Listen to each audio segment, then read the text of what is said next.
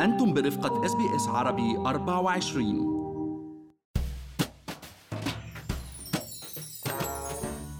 رح تناقش وتبحث الحكومة الأسترالية في الأيام المقبلة مستقبل العمل والمهارات في أستراليا ضمن قمة مخصصة لهذا الموضوع. والعديد من الأستراليين عم بيستنوا نتائج عملية خاصة مع الضغط الكبير اللي بيشعر فيه العمال والموظفين وأصحاب المصالح الصغيرة بسبب انخفاض الأجور. وأيضا عدم تمكن المصالح من إيجاد عمال ومهارات تكفي لسد الوظائف المتاحة.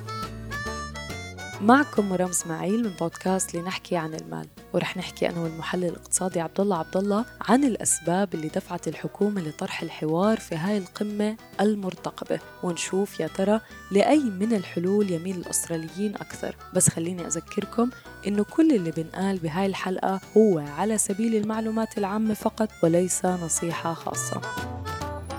يعني عبد الله بنفس سياق أحاديثنا بالأسابيع الماضية لا يزال الهم الأول عند الأستراليين هو تكلفة المعيشة وخاصة إنه تقريبا ثلثهم بيتوقعوا إنه يعانوا من انخفاض حقيقي في دخلهم هذا العام.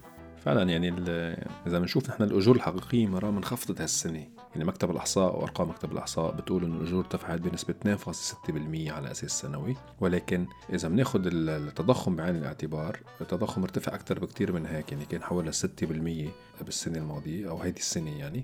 لهيك شفنا إنه الأجور فعليا هي انخفضت. وما بنستغرب إنه ترتفع نسبة توجس الأستراليين من هذا من عملية الانخفاض هيدي لدرجة إنه 63% منهم بيتوقعوا إنه حيتأثر أو حينخفض دخلهم آه، الحقيقي أو يعني الريل ويج تبعهم هذا السنة. وهذه النسبة ارتفعت بشكل كبير من فبروري 2022 يعني من حوالي الكم شهر. ارتفعت بنسبة 10% بوقتها كان 53% متواجسين من هذا الموضوع. هلأ صرنا عم نحكي 63% يعني تلتين الاسترالية مثل ما قلتي. وفي اختلاف بوجهات النظر أو بالأولويات يعني بين ممثلي المصالح التجارية والشركات اللي بيدعوا للعمل على حل النقص الحاد بالعمالة أو بالمهارات. أي زيادة أعداد المهاجرين المهرة وبين اتحادات العمال اللي بتقول إنه الأولوية هي لتحسين أوضاع العمال الأستراليين وأجورهم قبل فتح باب الهجرة مجددا. فعلا هو هذا النقاش حاليا السائد بالبلد مرام وفيهم في عدة حلول رح يتم طرحها الأسبوع الجاي بالقمة. وفي يعني تجاوب مختلف من الأستراليين على هاي الحلول المطروحة. أبرزها هي آه، بتلاقي التأييد 50% أو 50% من المستطلعين وافقوا. على هذا الموضوع وهو إنه زيادة الرواتب والتحفيزات للموظفين هي أمر أساسي. وأيضا آه، موضوع الاستثمار ببرامج التدريب واعاده صقل المهارات كمان لقى تأييد 50% آه، من من الناس اللي استطلعت ارائهم هذه الدراسة. ومن الواضح إنه يعني المزاج العام الأسترالي يميل أكيد لصالح العمال حيث قال 14% فقط من المستطلع ارائهم إنه إيجاد حل لنقص العمال يجب أن يكون أولوية القمة و20% فقط عم بيقولوا إنه الأولوية لفتح باب الهجرة. و29% من من الناس مرام قالوا إنه لازم يتم تخفيض إعانات البطالة الجوب سيكر يعني لأنه إنه بيعتبروا إنه هي الطريقة لتشجيع الناس يرجعوا على سوق العمل. و28% بيشوفوا إنه المشكلة هي بارتفاع تكلفة رعاية الأطفال ال childcare وإنه ضروري آه، إيجاد حل لهذا الموضوع. لتشجيع الناس يرجعوا كمان على سوق العمل. هلأ القمة كمان رح تبحث بأمور تانية مثل تنظيم عمل الكاجوال وخاصة بموضوع ال gig economy يعني اقتصاد المشاركة يعني المنصات مثل اوبر وغيرها. وكمان رح يبحثوا تعديل بعض القوانين المتعلقة بعلاقة العمال بصاحب العمل اللي هي متعارف عليها هون بأستراليا ال industrial relations وكمان مسألة الإجازات إجازات الأمومة والأبوة وغيرها. وهناك مطالبات عديدة للعمل على حل مشكلة نقص اليد العاملة والمهارات وآخرها كان من حكومة فيكتوريا واللي قالت أنه الولاية بتواجه نقص كبير بالمهارات والعمال يفوق ال 400 ألف وظيفة في السنوات القادمة. فعلا يعني مرام ما بنعرف هذا الرقم إذا إيجابي أو سلبي. يعني فعلا إنه آه، في فرص عمل ل 400 ألف شخص وما عم بيلاقوا يمكن ما حيلاقوا.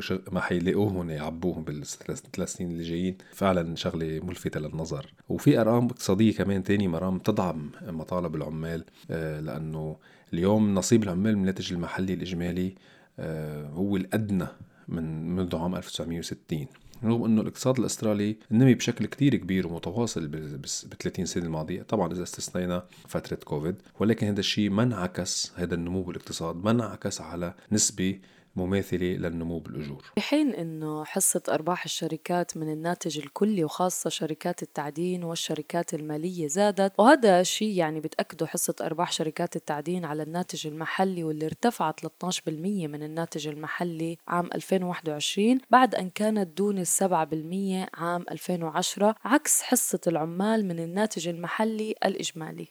صحيح ولهيك اليوم عم يعني العمال والموظفين بالفترة الماضية بنشعر بكثير من الضغط المالي رغم إنه الأرقام الاقتصاد بشكل عام بنشوفها إنها منيحة. ولكن آه، في نوع من الخلل خلينا نقول بتوزيع الغنائم إذا هذا التعبير صحيح اللي استعملناه يعني.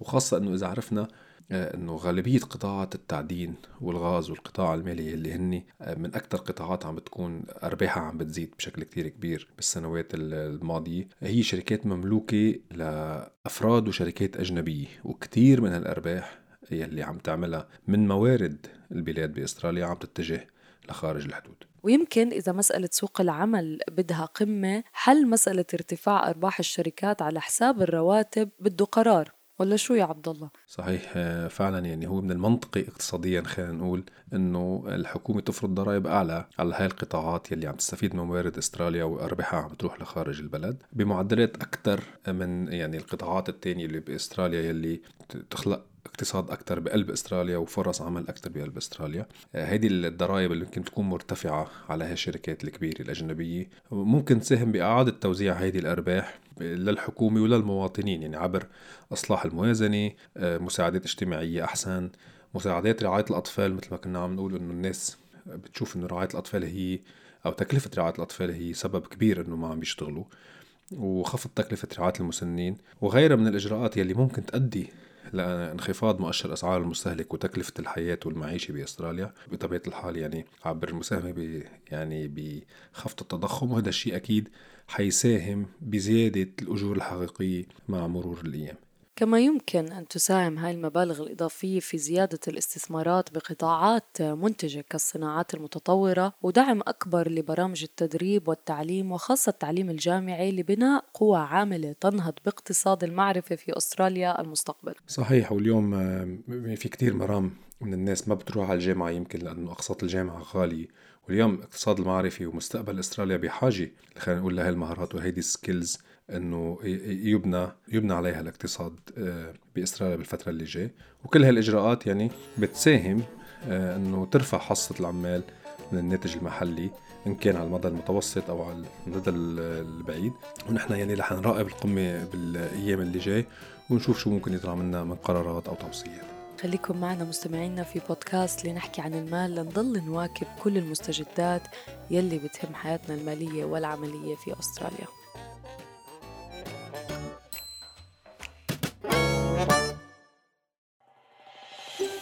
هل تريدون الاستماع إلى المزيد من هذه القصص؟